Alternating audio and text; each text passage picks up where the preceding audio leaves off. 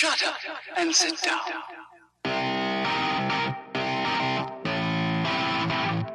Det var en gång en startup.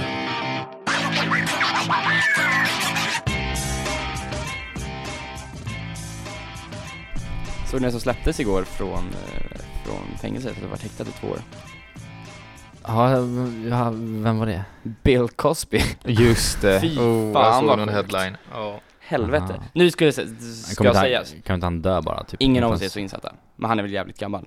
Men det var ju... han är ingen av oss är insatt i hans ålder, men han är så jävligt gammal. Nej nej nej men alltså, alltså så här, Ja, vad det handlar om gjorde. egentligen. Men det var ju liksom, alltså, alla oss här har ju inte tillräckligt fingrar och tår för att räkna till hur många sexual allegations som var emot honom.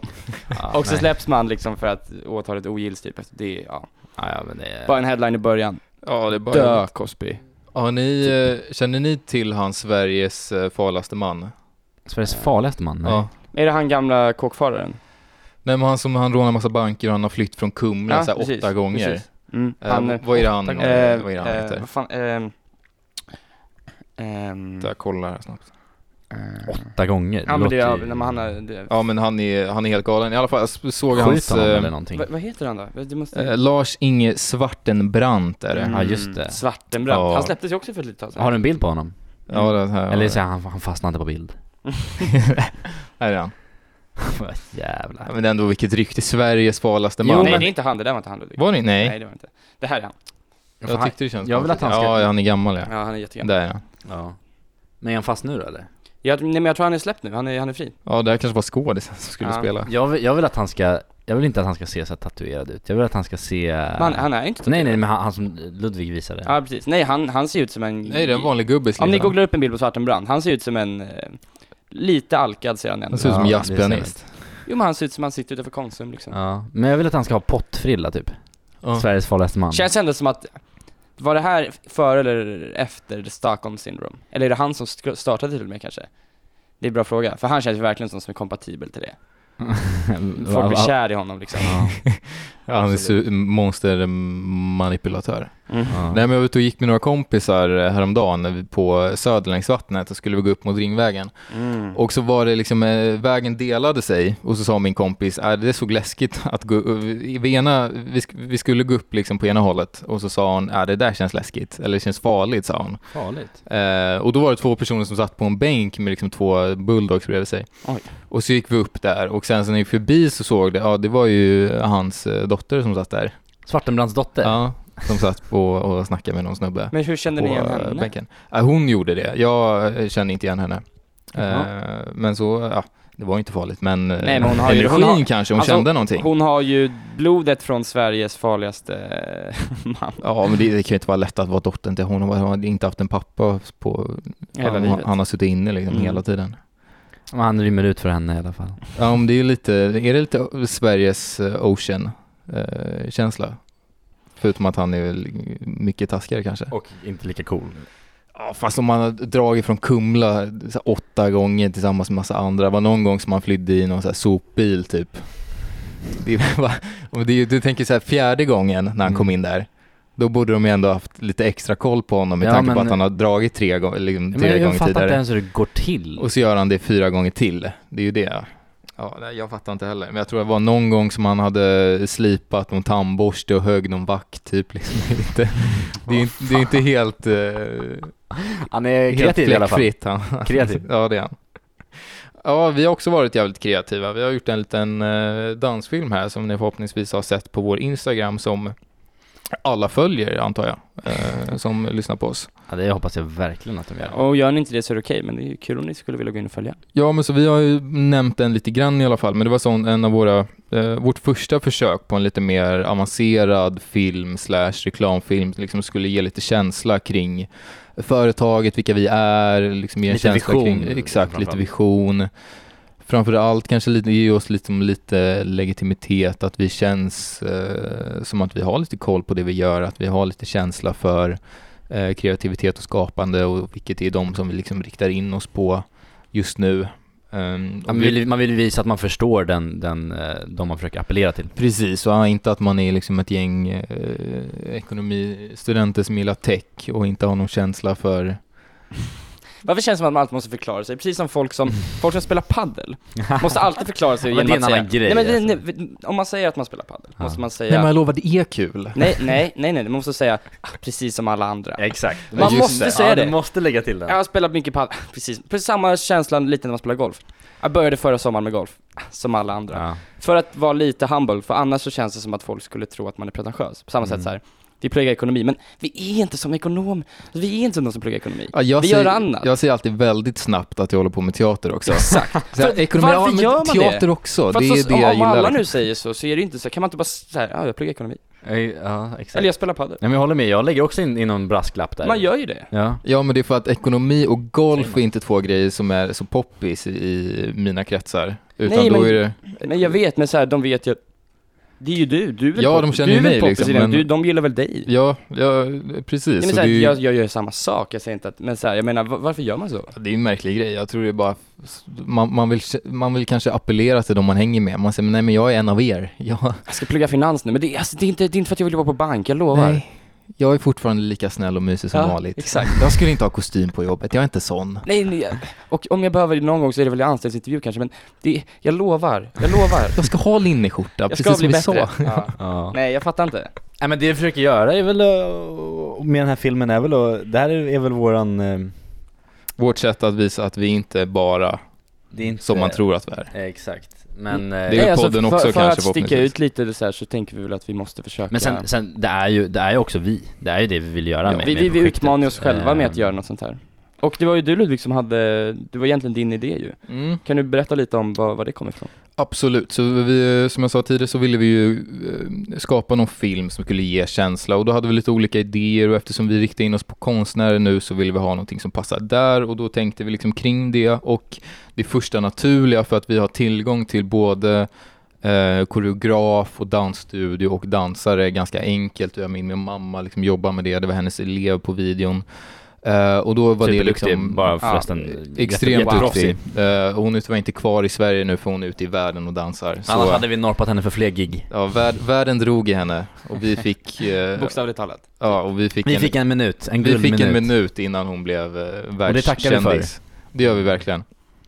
Ehm, så vi vill liksom skapa en, en eh, känsla kring det. Dansen liksom blev ett naturligt sätt. Jag hade liksom då en eh, idé hur den här dansvideon hade kunnat se ut. Och vi körde ju också på den här liksom sloganen Share your passion, vilket är någonting vi kommer fortsätta med och är liksom kanske lite det mottot vi har haft internt, att vi vill liksom möjliggöra och inspirera folk att eh, dela med sig av deras passion eller deras eh, hobbys eller deras liksom talanger och förhoppningsvis kan vi då hjälpa till att bygga någonting åt de här personerna så de kan hålla på med det, tjäna pengar på det, kanske kan liksom eh, avsluta sitt lite tråkigare jobb eh, som de kanske inte brinner för och, Och man ska liksom också kommer kunna- respektera det, och, och, tycker jag, att om man bara vill hålla det på en hobbynivå, man kanske vill trappa upp sin hobbynivå.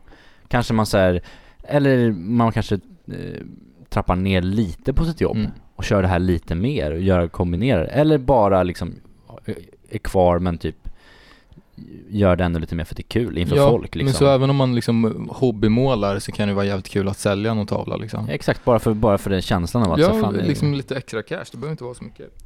Det känns mer på riktigt då tror jag, och det är ju lite som du är inne på att så här, vi vill ju möjliggöra för de här människorna att göra det de är bra på. Och så här, och om de oftare kan göra det de är bra på genom att kanske gå, trappa ner lite på sitt vanliga jobb, eller inte helt sluta, men trappa ner lite för att fokusera mer på sin hobby och kunna liksom kapitalisera på det genom att ha en snygg hemsida och liksom kunna framföra sig själva, vill ju vi göra det. mm. Och det är ju det, så här, den här filmen ska ju visa lite att hon är här efter stängning och dansar och hon gör fan det hon älskar. Och eh, share your passion. Och det är ju lite, lite din vision där Ludvig, är väl att så här, vi får en inblick i det som man egentligen inte får titta på. Eh, och att kanske fler borde ge en inblick i Mm. saker som sker i det tysta. Precis, och idén var att det här är en bild på hur det kan se ut när liksom bakom stängda dörrar, när ridån är eh, framdragen. Och eh, det var ju så himla eh, vackert och så himla fint. Varför inte då liksom visa det för världen? Eh, så det var ju tanken bakom och det här är ju en, eh, någonting som, som eh, de flesta företag jobbar med eller borde jobba med. Att man liksom eh, gör den här typen av, av inspirerande innehåll liksom för att bygga brand som vi snackade om Nike i vår liksom reklamvideo med det liksom eh, Finding your greatness som är, vi har tagit ganska mycket inspiration på den för att, att vi sa att det var liksom en av de, mm, på listan var det den bästa och det är kanske en av de bästa liksom reklamfilmerna eller reklamserierna eh, genom tiderna för att den, den den är inte säljig utan den bygger bara en känsla, den inspirerar tittaren till att vilja eh, liksom göra saker, vilja åstadkomma saker och det lyckades Nike så himla bra med. Eh, och det är ju någonting som eh, vi gärna hade liksom eh, tagit en, en, en smula av i alla fall och, och kunna dela med oss av, av det vi kände när vi såg Nike-reklamen eh, fast på vårt sätt. En, en, en frå, fråga som, som jag ehm, hade en interaktion eh, under en, en EM-match här eh, för no några dagar sedan, inte Sveriges då, men eh, som är lite på samma tema som ju, jag vet inte själv vad jag tycker om, jo jag vet ungefär vad jag tycker om, men- men som jag tror att folk är lite kluvna kring. Jag vet inte om ni hörde det här med att det blev en kontrovers kring eh, de här regnbågssymbolerna, Pride-symbolerna, eh, som Uefa då, som, som håller i EM, var emot. Det var en, en tysk målvakt som, som ville ha en eh, regnbågsfärgad så här, kaptensbindel på armen. Och det sa Mo- en motreaktion mot, var det Ukraina va? Som hade, eller Ungern? Eller Ja det var nog, jag, jag vet inte exakt varför han, men också Ja bara, men för, de bara för hade att visa. röstat mot en hårdare eh, politik gentemot eh, homosexuella. Ja exakt, och, eh, men då sa Uefa att han inte fick ha det för att de vill inte ha några politiska eh, liksom, symboler, eller de vill inte att, att fotbollen ska vara en politisk, liksom, ett rum. Ja, Eh, men folk menar att det här är inte politik, det här Nej. är ju liksom så här, mänskliga rättigheter typ. Eh, och det blev jävligt mycket rabalder kring det. Mm. Exempelvis de i Tyskland, när de spelar matchen i Tyskland i München, så ville de lysa upp arenan. Mm. Eh, så de, de brukar göra det också i så här, regnbågens färger. Eller jag vet inte om de brukar göra det, men de ville i alla fall göra det. Eh, och det, det fick de inte. Eh, sen, sen blev det mycket ramaskri kring det och jag tror att Uefa backade till slut och nu, nu, nu såg jag även Englands kapten hade regnbågsfärger på sin Ja, men kaptensbild. speciellt liksom under Pride Month så borde det liksom Ja, exakt. Och, och, och, och, eh, det som var intressant med det här och kopplat till oss, eller det vi snackar om nu, och till, till företagsdelen var att eh, det är ju så här, de här sponsorerna man ser kring matchplanen så här, på, på LED-skärmarna liksom. Mm. De hoppade på det här. Och typ Volkswagen körde sina annonser och så hade de en, en bakgrund som var liksom regnbågsgradient liksom. Och även TikTok, som lite märkligt tycker jag gör reklam, hade också sin text i Ja, de regnbågsfärger. är väl huvudsponsorer för Ja, de, ja men det, det är väl typ så här fem, sex olika huvudsponsorer som rullar där på sk- sidoskärmen. Eh, även eh, Booking.com, så här hotelltjänsten, Mm. hade också en bakgrund som är regnbågsfärgad. Eh, och då hade jag en eh, diskussion med, med en person kring vad man tyckte om det. Att, att företagen liksom körde på det där. Och det, det hon menade var typ att det känns kanske på något sätt lite hyckleri. Mm. Eller så här, det, eh, Ja, det finns en del av det i alla fall. Fenomenet pride washing har ju blivit eh, en Ja, grej nu. ja, alltså och absolut. det är eh, super aktuellt för att det känns också så himla liksom, ja men kanske inte kapitalistiskt men liksom så som Jo det är väl exakt det. Ja men kapitalistiskt, alltså De, det, det hon menade i alla fall, som hon tyckte det finns ett gnutta av, är ju att de försöker tjäna pengar på den här rörelsen. Ja men precis som genuint, greenwashing eh, är. Att för, företag vill framstå som att de är liksom miljömedvetna. Mm. Men egentligen så tar de liksom minimal effort bara för att kunna labla sig som miljömedvetna. Och hon ställde också någon, någon fråga som här att så här, okej de kanske har regnbågsfärg bakom sin logga, men sen så kanske de typ är, inte gör någonting för det. exakt. Eh, men sen, sen, det kan jag tycka också, och, och kasta ut frågan till er, vad ni känner kring det att samtidigt, om frågan är så här, hade man velat att, att, att de inte Precis. gjorde det? Eller att man inte tog ställning Ja, kring det här? Alltså så- det är också en, en, ett Det, icke-agerande. det ska tilläggas nu att så här, vi har ju kanske inte liksom tolkningsföreträde i liksom den här frågan och så här, vad, någon kanske känner att fan vad bra det känns att Volkswagen har liksom en prideflagga bakom. Det känner, jag känner mig mer trygg i mig själv då. Det, jag vet inte. Jag kan bara så här, det är ju bättre förmodligen att de har den än att de inte har det. Även om de inte gör något. På samma sätt som är det dock det, för då vet man ju som konsument vilka företag som kanske inte tar ställning. Nu har ju alla det. Och sen vet man inte riktigt vilka som egentligen tar ställning. Och Ja, då men- blir det ju pride-washing. Ja, men jag, jag, jag tror inte, nu gissar jag kanske lite, men, men eh, jag tror inte, alltså flaggan är ju inte ett, ett mål i sig. Att det är liksom lite flaggor utanför Electrolux i Barkarby kommer ju inte, jag tror i princip ingen eh, blir särskilt varm om hjärtat på grund av det, utan det handlar ju om liksom, de riktiga problemen, om liksom, eh, segregering eller att man liksom bortprioriteras eller man kanske inte får samma möjligheter. Eh, och det är ju aktiva steg liksom, när det kommer till sånt som företag skulle få en riktig eloge för. Så, att säga, nu blir det ju bara nästan lite tacky att bara smälla på en sån Mm. Logga. Alltså det är ju kanske inte riktigt samma grej, men ni kommer ihåg liksom med, med Pray for Paris-grejen, att alla drog liksom en sån Frankrike-logga i bakgrunden. Det kanske var fint, men många gjorde det ju bara för att haka på den trenden och få liksom lite Instagram-clout typ. Vilket gör det liksom så ogenuint. Och jag tror Mm. att, att Alltså om företag skulle göra saker på riktigt, ta faktiska ansträngningar, det är ju då man vinner. Alltså jag är helt övertygad om att i dagens samhälle, att göra gott, alltså på riktigt, är så man differentierar sig. Jag tror att det är så man vinner liksom på lång sikt, eh, 100%. Absolut, och det, det är absolut. Men åter, å, återigen, du snackar om, om tolkningsföreträde Linus, det är ju också det, man känner kanske att företaget inte har tolkningsföreträde att, att smälla på en flagga och sådär. men samtidigt eh, tycker jag att så här, om alternativet är att inte göra det, så ser jag hellre att de gör det och så här, visst, det är kanske bara en färg bakom deras logga, eh, rent krasst. Men här, Men också, det skickar väl signaler ändå till alla de som jobbar på företaget och så här att det här är standarden eller så här, ja, Precis. liksom det för kan sen nu är vi bygga ute på så någonting. här, för det här är väl ganska, om vi i, återigen ska ge oss ut på liksom djupt vatten, rent liksom,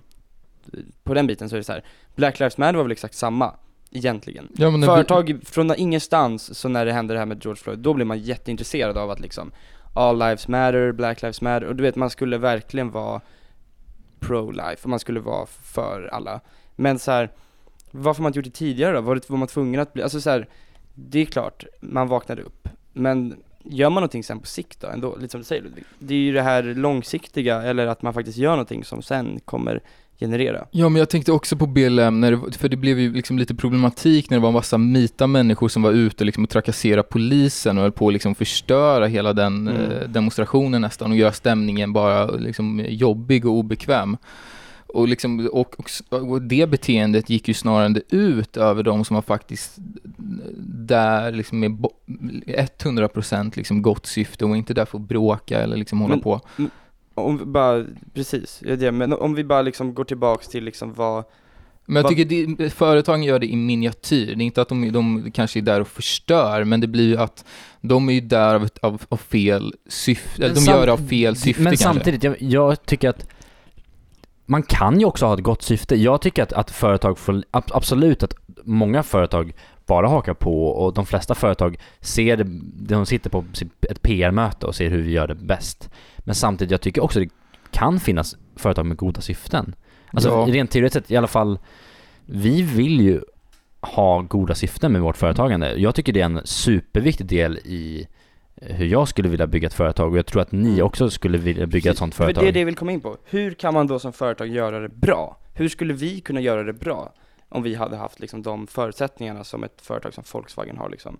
Är det liksom att anställa fler personer med den bakgrunden, etnicitet, eh, alltså så här. Samtidigt är det också konstigt att liksom kvotera utifrån liksom eh, Alltså det man vill uppnå är att vi såklart självklart bara går på liksom kompetens Precis, så, och om det ska inte spela någon och roll. Ja. Exakt. Och men det jag menar med att vi kan inte göra allt. Vi kan ju bara göra eh, ett så jävla Ja, för att ris- bra bolag risken som är vi ju vill att så här, ha. fuck, nu måste vi agera på Black Lives Matter-rörelsen, nu måste vi agera på Pride Month. Därför förbiser vi våra principer med att anställa de bästa, och så gör vi det som vi tror är bäst ur ett PR-syfte. Och sen blir det liksom en ond spiral lite. För att man känner att man agerar bara liksom på omvärlden, man gör inte det man själva tycker är bra utifrån liksom ett långsiktigt perspektiv med att inkludera folk. Kanske. Nej, men det finns ju my- mycket som visar på att det är liksom bäst ur ett även liksom business-syfte att vara inkluderande i till exempel ledningen Det eller på företag.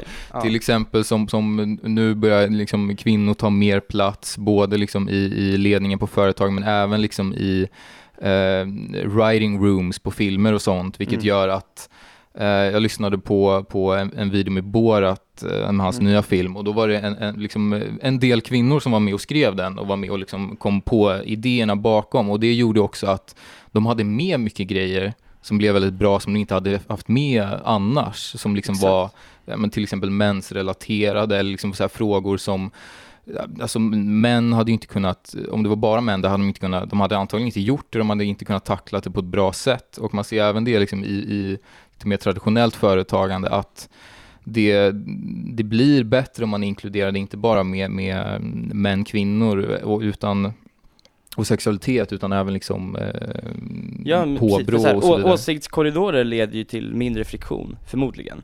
Men man får ju också bara igenom samma sak hela tiden. Om, om man säger, om man säger, ställer frågan så här då. Nu på den här Pride-grejen. Säg, säg vad, om, om eh, vi då som företag, vad hade vi gjort? Alltså rent teoretiskt sett, skulle vi, för det finns ju ganska lite som backar upp om vi skulle typ lägga ut en bild på Instagram med typ regnbågens färger och så typ någon bild på oss, eller inte oss, men typ något eh, relaterat till oss eller typ av vår logga i bakgrunden. Mm. Eller bara regnbågsfärgen, typ så här. Eh, det känns vi har ju ganska lite att backa upp det. Men, men, men säg att- utifrån att- vårt perspektiv att- med liksom, vi, vi, vi, eh, sk, sk, skulle vi kunna liksom ge olika aktivistgrupper, eller inte, men så här, folk som är liksom spokespersons för den här rörelsen man ger hemsidor gratis, eller man sponsrar men så- jag menar, så sätt för att alla, spridning. alla företag behöver ju inte, be- behöver inte göra allt eh, och, till deras största mål heller, men samtidigt att, att bara ha ha det som en, en inställning tycker jag är väl, det kan ju räcka i många fall. Ja men absolut att man kan ge grejer, men för mig så känner jag att, att vi har lyckats om vi, om vi, om vi anställer folk och har skapat en kultur där alla känner sig 100% välkomna, alla känner sig som att de är med i teamet och att, att de är där på grund av deras kompetens och att liksom allt det här andra spelar ingen roll och att liksom vi kunde inte bry oss mindre om det.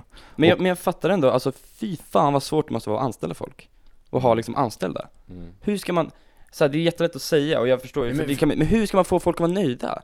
Alltså, har man själv varit nöjd på alla arbetsplatser? Nej, Nej. men det, det, det kommer inte gå 100% nöjda, alltså, men folk vill olika saker. Men jag vet också, det det finns ett ganska känt klipp på typ den konferens med eh, de som driver Oculus, som är så VR-headset, Okej. som, som Facebook nu äger. Och sen så sitter de som, som leder där uppe och så är det någon som kommer fram och ställer en fråga och frågar så här Hur ska ni eh, göra med ert jämställdhetsproblem? Ni har typ 95% eller 90% män typ eh, som jobbar hos er. Mm. Kommer ni porta det in i VR också? Typ så här.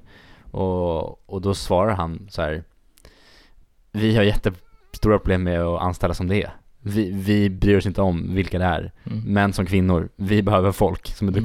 Och vi tar emot alla, allt vi kan. Ja, Det är så här, de, de gör allt de kan men och så bli, och bara har blivit så. Så det, Ja, och de om- ju... om deras anställda också känner att det är så, Mm. Alltså nej men de här är, är genuina, de vill, vill det bästa, de anställer efter kompetens. Alltså man, man kan ju märka det på, på arbetsplatser. Och om det är så, alltså då, de gör ju inget fel. Det är ju inte, det är inte att det måste vara 50-50 eller liksom super eh, diverse överallt. Nej. Men att det, det, det är inte 85% män bara för att de är män. Det är väl det som man Och det är det jag menar med att då har ju de lyckats. Alltså så här, de behöver inte gå ut och kvotera in eller de behöver inte gå ut och liksom eh, göra massa saker, alltså så här, Ja, så- samtidigt som det är en mer komplex fråga så också ju. Ja, verkligen, verkligen absolut att de är... För att här, om de säger på en presskonferens att vi gör allt vi kan, det betyder ju inte att de gör allt Nej, de nej kan. men alltså, nu snackar vi om, det är det jag menar med det. Det finns ju en grej man säger men alltså så här, Säger man någonting och, och kan 100% backa upp det, Säg- då säg- är det ju, säg då har man oss, gjort det liksom. man kan liksom. Säg om vi skulle an- anställa människor, och de flesta som jag umgås med i alla fall liksom killar, och liksom så här, fan men han som jag känner det, han kanske skulle kunna hjälpa oss med det här, och du har någon, eller som känner någon så här. Det är klart att det är lättare för oss att ta den vägen, Mm. och det är billigare förmodligen, för att behöver man inte leta efter folk. Och det är klart att då blir det ju förmodligen så. Mm. Eller man tar anställningsintervjuer och här är tre grabbar som har ett eh, startup och de behöver anställa någon som liksom sysslar med det här. Och, och, och så, så här, det är klart att undermedvetet så kanske vi, fan det här var en skön dude, han kan man hänga med och ta en bärs. Mm. Ja men kul. Och så här, vi kanske tänker att vi gör allt vi kan, men har man verkligen bearbetat den frågan? Det är sant, det, det är en komplex fråga och man kanske har större ansvar än vad man kan tro på ytan. Ja och då är det så här, Ehm, det är klart att i, i teorin så är det så här, ja, kvotering och så här, det är inte så smart för att då kanske man inte tar den bästa. Samtidigt så kanske man inte inser väl vad som är det bästa. Det finns ett argument för att man ska till, alltså, till exempel kvotera för att man behöver ge mer rum Exakt. åt minoriteter, eller liksom minoriteter inom vissa branscher. För att, som du säger, det finns liksom ett- undermedvetet eh, Bias liksom. Ja, bias. för, för att säga, vad, vad har du för, vad har du för eh, referenser? Jag har inte varit på så många ställen för att alla har frågat efter rens- referenser och jag har inte kommit in på så många ställen. Mm. Medan någon som har liksom alla, som för oss till exempel, vi är liksom vita män i, från liksom medelklassfamiljer som har liknande utbildning. Vi har ju de bästa förutsättningarna liksom rent eh, eh, eh, samhällsmässigt, liksom på Mm. pappret.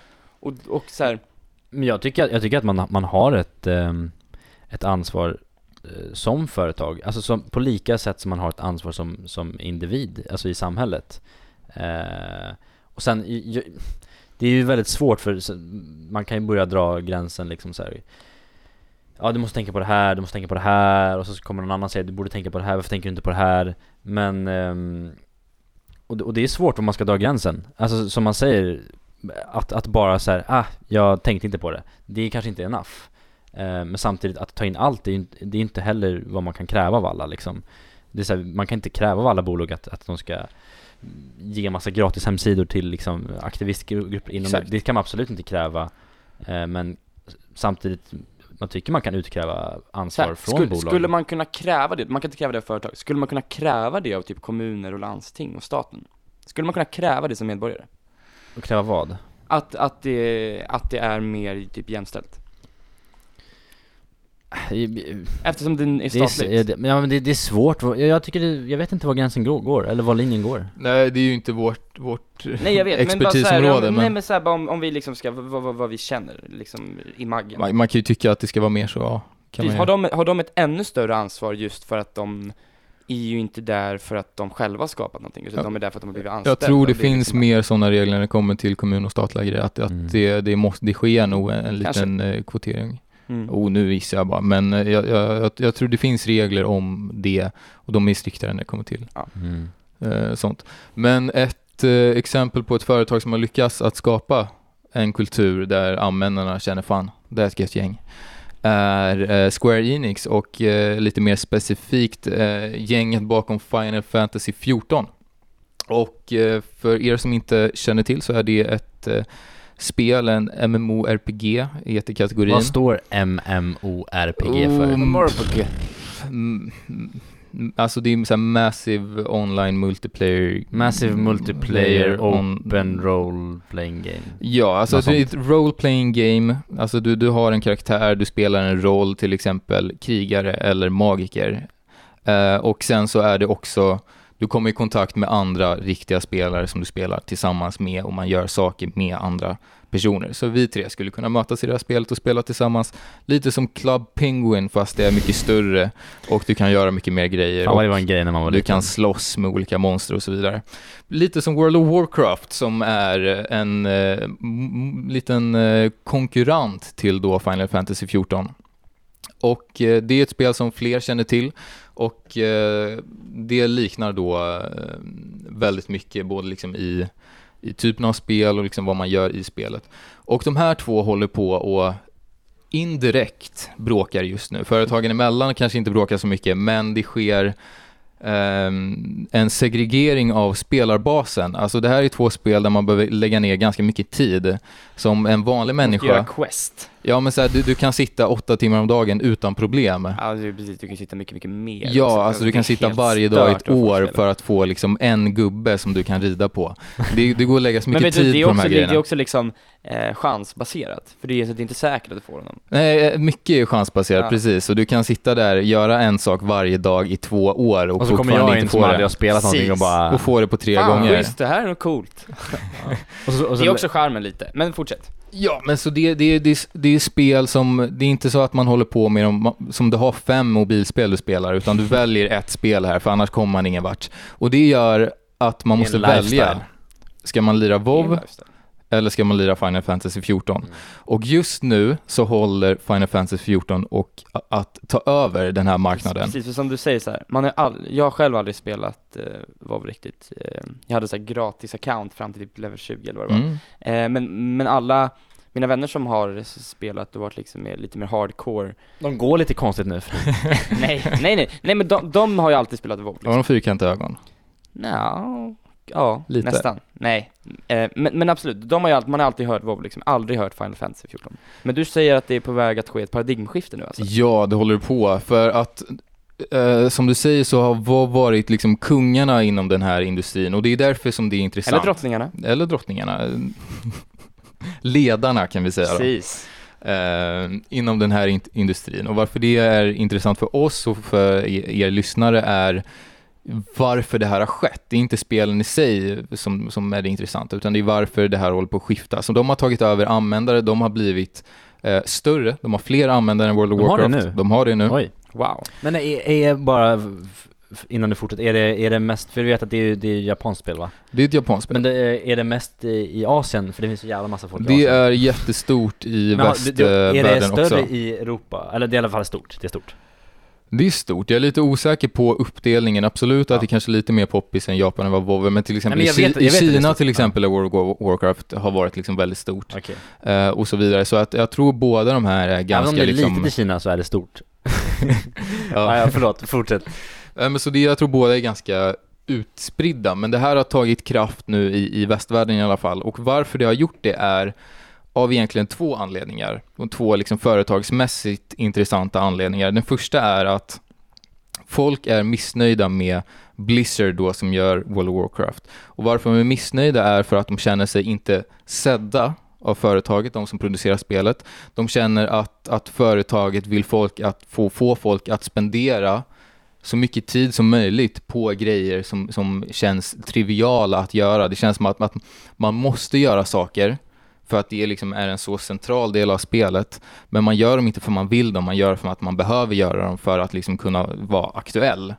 Tjäna coins eller få något. Exakt, eller få liksom olika valutor som man köper grejer med, som är liksom centrala för att bara liksom vara, ja men... eh, Inte en noob. Ja, för att inte vara dålig i spelet, för Ja. att kunna hänga med och, och också kunna göra de grejerna som faktiskt är roliga i spelet, så måste man göra allt det här tråkiga. Och det suger ju att, att du måste göra, spendera liksom hundratals timmar på saker du inte tycker om för att spendera 20 timmar på det som är Vet du superroligt. vad? Resan är målet. Med, Ja men det, det, var en jävla tråkig grejerna, resa. re- resan ska ju vara målet. Det ska Ja. ju vara kul att göra de här grejerna som leder till de kanske ännu lite roligare grejerna. Och det är det som Final Fantasy 14 har lyckats med.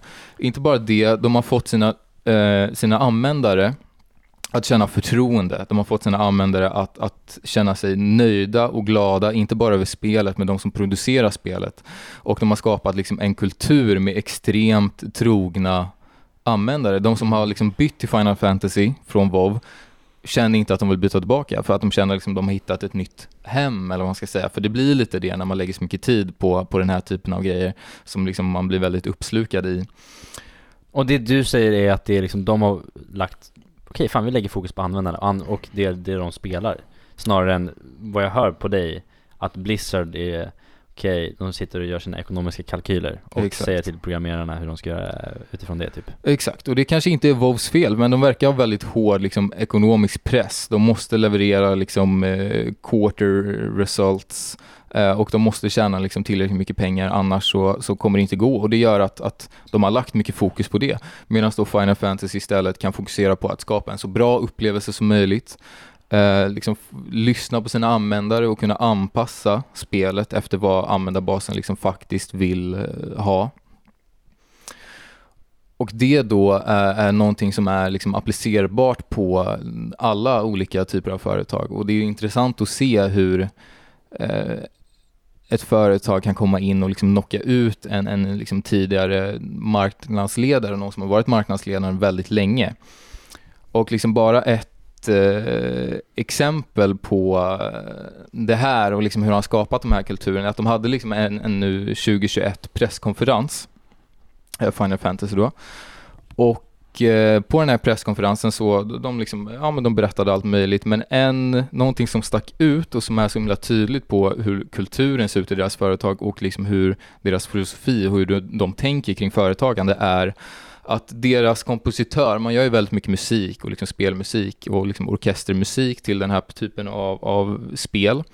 Och då har de en, en kompositör och nu under corona så Fan vad man, man, man kan sätta japanska kompositörer på en pedestal alltså. Ja, Och, det, och med rätta. Ruichi Sakamoto kommer vara mm, Fan, jag- jag såg babe han- nummer ett. Ja, men han, är det vad han kompositören här hade inte han- Nej, hade en- inte han eh, någon avskedskonsert här i Stockholm som han körde? Så den var jag fan taggad på att gå på men nu, ja. Jag vet inte, jag var på, när, när de byggde, Alltså han har haft den. de byggde ett modernt museum i Oslo. Jag vet Mm. inte om det heter Moderna Museet, Okej. men, men eh, ett modernt museum i Oslo. Och det här var bara liksom, det var inte färdigt utan det var liksom bara betong, betongbyggnad. Mm. Ehm, och då hade han på taket på den, för det här kanske var fyra år sedan, Okej. Eh, och då var jag där. Och då var det på taket så hade de gjort dimma över hela taket. Så Du hela var taket var som ett moln. Du var där? Jag var och där. såg honom? Ja, jag såg Va? honom.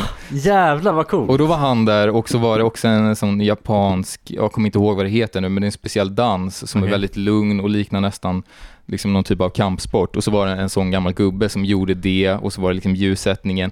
Det var dimma så du såg nästan ingenting. Så stod han där och så spelade liksom jag sin, sin musik uppe på det här eh, Ah. taket. Det var, det var ballt. Varför visste jag inte det här? För att det, det blir bara... Ja, det var, det var du innan, vi, det var innan vi kände varandra, tyvärr. Ja. Jo men jag menar, jag menar varför har, har, har hållit en sån här story?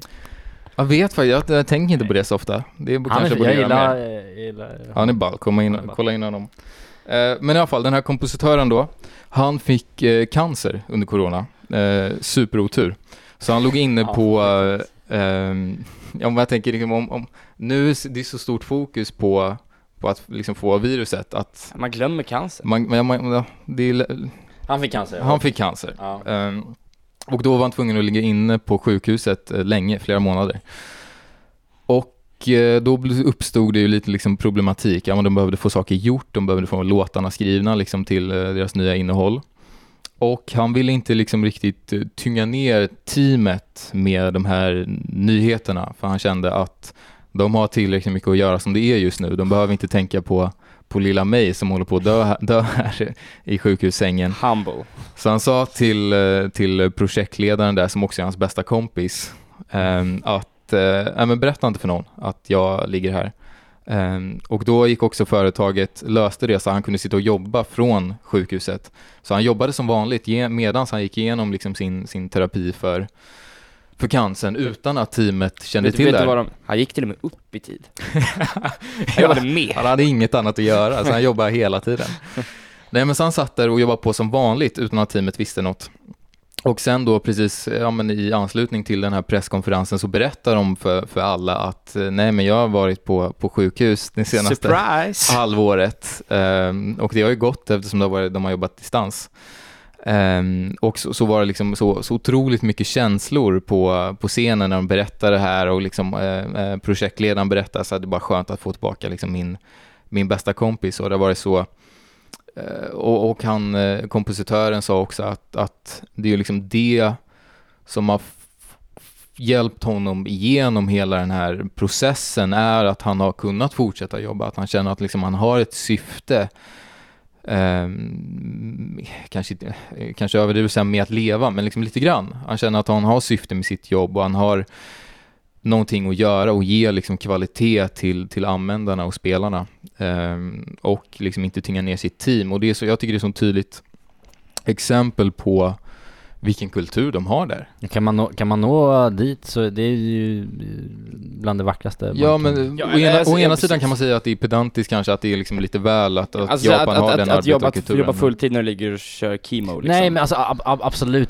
man får, det, visst det säger mått- lite om, äh, alltså, jag vet, inte om man lite om jobbar, jag kulturen. vet inte om man jobbar fulltid, men eh, Nej, men alltså att, att jobba, men som du säger, det kanske var hans sätt att liksom, att, alltså, han älskar musiken. Ja, Han men älskar så här, jobbet behöver inte, absolut inte vara allt, men om jobbet kommer ju vara en del av ens liv. Eh, och om man kan göra den biten så, Mm. då, då har man ju lyckats liksom. Jag menar, Absolut. något av det finaste jag tror att man skulle kunna uppleva i, om man startar ett företag, är att få någon annan att känna att jag tycker verkligen om att jobba med och för det här. Eh, för att jobb är en jättestor del av folks liv. Alltså typ en tredjedel. Ja, men och, så, och då om man kan göra det superbra och super liksom på ett jättebra sätt. Det är ju typ bland det största man kan göra det. Om man kan liksom, tycker jag, inom den, den biten. mm. Eh, det vore superhäftigt. Ja men så man, man känner ju att det viktigaste för dem är kanske inte att tjäna massa pengar utan att göra det de älskar och, och göra någonting som användarna också älskar och det gör ju att de blir älskade Precis. För, för av sina användare. Det har lett till att de har gått om World of Warcraft. Precis, och det, det ger ju också resultat och det är så himla eh, fint att se. Och det är inte konstigt att de blir marknadsledande och det här händer ju säkert flera andra industrier också och jag tycker det är, det är ett kul exempel på att, att, att göra det rätta vinner man på liksom på lång sikt.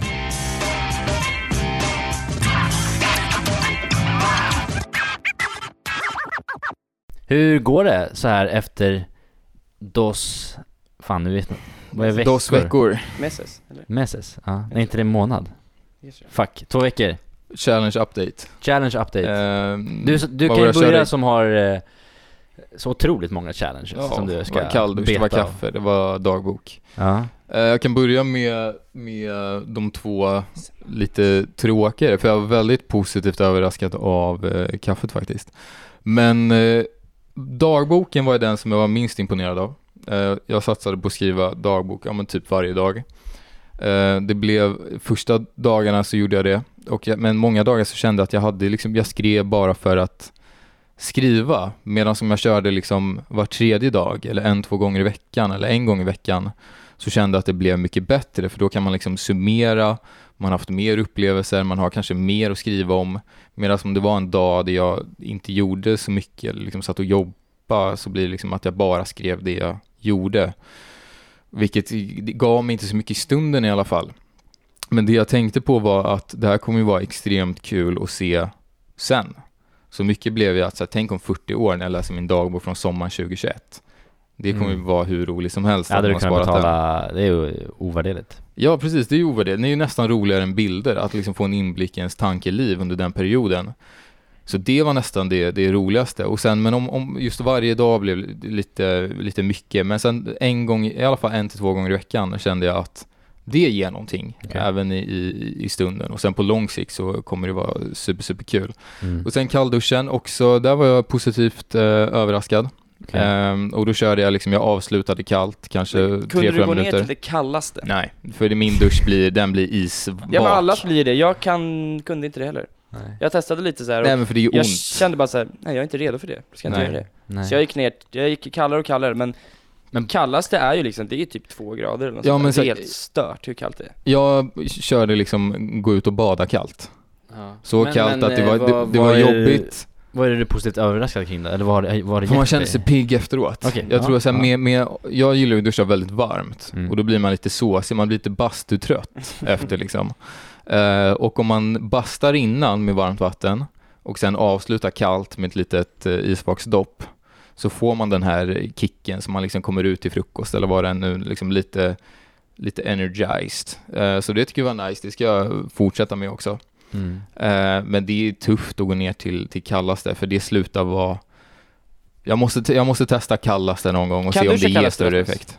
Jag vet inte, jag, jag, jag har aldrig, jag har aldrig te- aktivt testat. Jag bara drar ner lite tills det blir lite kallt. Jag har aldrig Ja. aktivt testat, nu ska jag testa det kallaste, men jag får väl se. Så jag är liksom successivt kallare så man vande sig sakta. Mm. Och då gick, då kunde man gå ner ganska kallt men Ja, men det var nice. tycker Men- ändå människor som kan duscha på kallaste, det är props till dem. ja, det är ju de finaste vi har. Men på tal om tufft då. Kaffe, som kändes som att det, det, det är en tuff grej. Alltså du kör kallt, det, det funkar liksom. Men Jag tänkte att kaffe skulle vara svårare men det var inte så, Så, det, är- det är ju lätt att bara inte dricka en kopp kaffe. Ja. Det är ju svårare att stå kvar i duschen när det börjar bli två grader. Rent fysiskt. Ja, eh, det var det. Så jag, jag, efter två, tre dagar så tänkte jag inte på kaffe ens. nej. Men har, har du fått någon effekt då? Jag, äh, jag vet inte om, om, det är ju svårt, just energi är ju Mm. så många olika faktorer. Vet du, man måste nästan fråga folk i din närhet om de har fått effekt. För att Ja. en själv är svårt att känna. Eller, Ja, fast det är det är ju så himla subjektivt. Men de är sin, fan, sista veckorna du har varit. jag Fan vad glad du har varit. Du har sagt god morgon och sånt där. ja, men Det för jag, år sedan du gjorde det. jag har också varit så här pollen eller allergisk och sånt och det drar ju ner på energin. Men jag kände ändå en, någon effekt av kaffet. Eller så var det ja, ja, placebo, jag vet inte men det kändes bra. Eh, Mm. Det är någonting som jag absolut kommer fortsätta med. Jag kommer inte liksom dricka två, tre koppar kaffe om dagen. Men så här, kommer du, kommer du dricka mindre kaffe bara eller kommer du sluta helt? det kommer alltså, vi- om, om, Om det är fika som bjuds? exakt, om jag är på fika hos någon, liksom, det finns bara kaffe. Men du, du, liksom, eller- kanske kommer sluta med det här kaffet som är Jag tar min kaffe för att få energi Jag kommer inte varje ta en, dag. Nej, exakt. Jag kommer inte ta kaffe varje dag, jag kommer inte ta flera koppar. Eh, utan det är liksom någon dag jag känner antingen socialt eller att jag liksom verkligen behöver en liten boost just den Mm. dagen. Uh, ska jag ta. Alkoholen då? Ja men jag, jag dricker inte så mycket. Det var ju inte en challenge, men, vi för pratade jag, lite om jag, det. Jag sa det till eh, Linus här någon gång att, att när vi snackade om vilka challenges vi hade och sådär, att det känns som att den känns inte så svår ändå för Nej. dig. För du, du, du har, det känns inte som att du har haft något problem med, med det. Problem med alkohol? Nej men alltså, ja men okej alltså. Nej, men det är ju Alltså, så här- att, att, det- att det känns som, ja precis, precis. Jag, Det är ändå många i vår ålder som dricker liksom en till två gånger i veckan. Mm. Um, sen man går ut varje helg och blir full. Det är ju inte bra. Ehm, utan liksom så, jag, men jag vill ändå liksom dra ner lite grann. Jag kanske dricker lite, du ville väl dra ner lite på varannan vecka. onödiga kändes det som. Exakt, jag vill dra på några onödiga, men så att på midsommar, då är det kul, man festar till det. Liksom, då, då är, det är ju en trevlig gång. Medan om vi säger att man ska kolla matchen Mm. och liksom sänker fem sex öl. Mm. Det är ju helt onödigt man kanske blir segare dagen efter, Mm. kanske fuckar med träningen. Liksom det är ju de bärsen som man liksom kan slopa Det är väl helt. samma sak med kaffet också? Alltså du vill slopa de lite onödiga kaffena Exakt. som inte tillför någonting och som man bara tar per rutin. Exakt. Det var det jag kände också när jag liksom trappade ner. Att det var onödiga, det det var in, du fick ingenting för det. Men så här att sitta på ett Sitta på en uteservering i, nere i Italien och sänka en eh, nej, jag tar espresso. inte bärsen.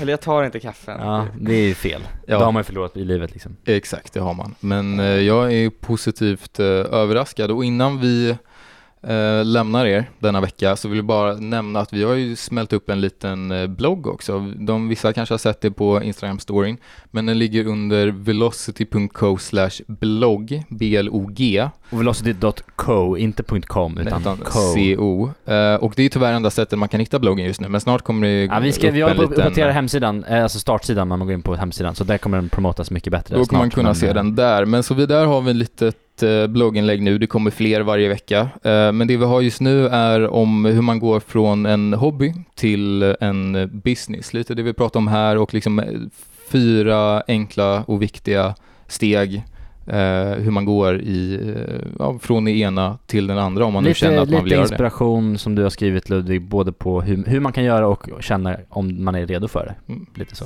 Ja, vi tackar för oss. Och ses på bloggen. Det gör vi. Tja.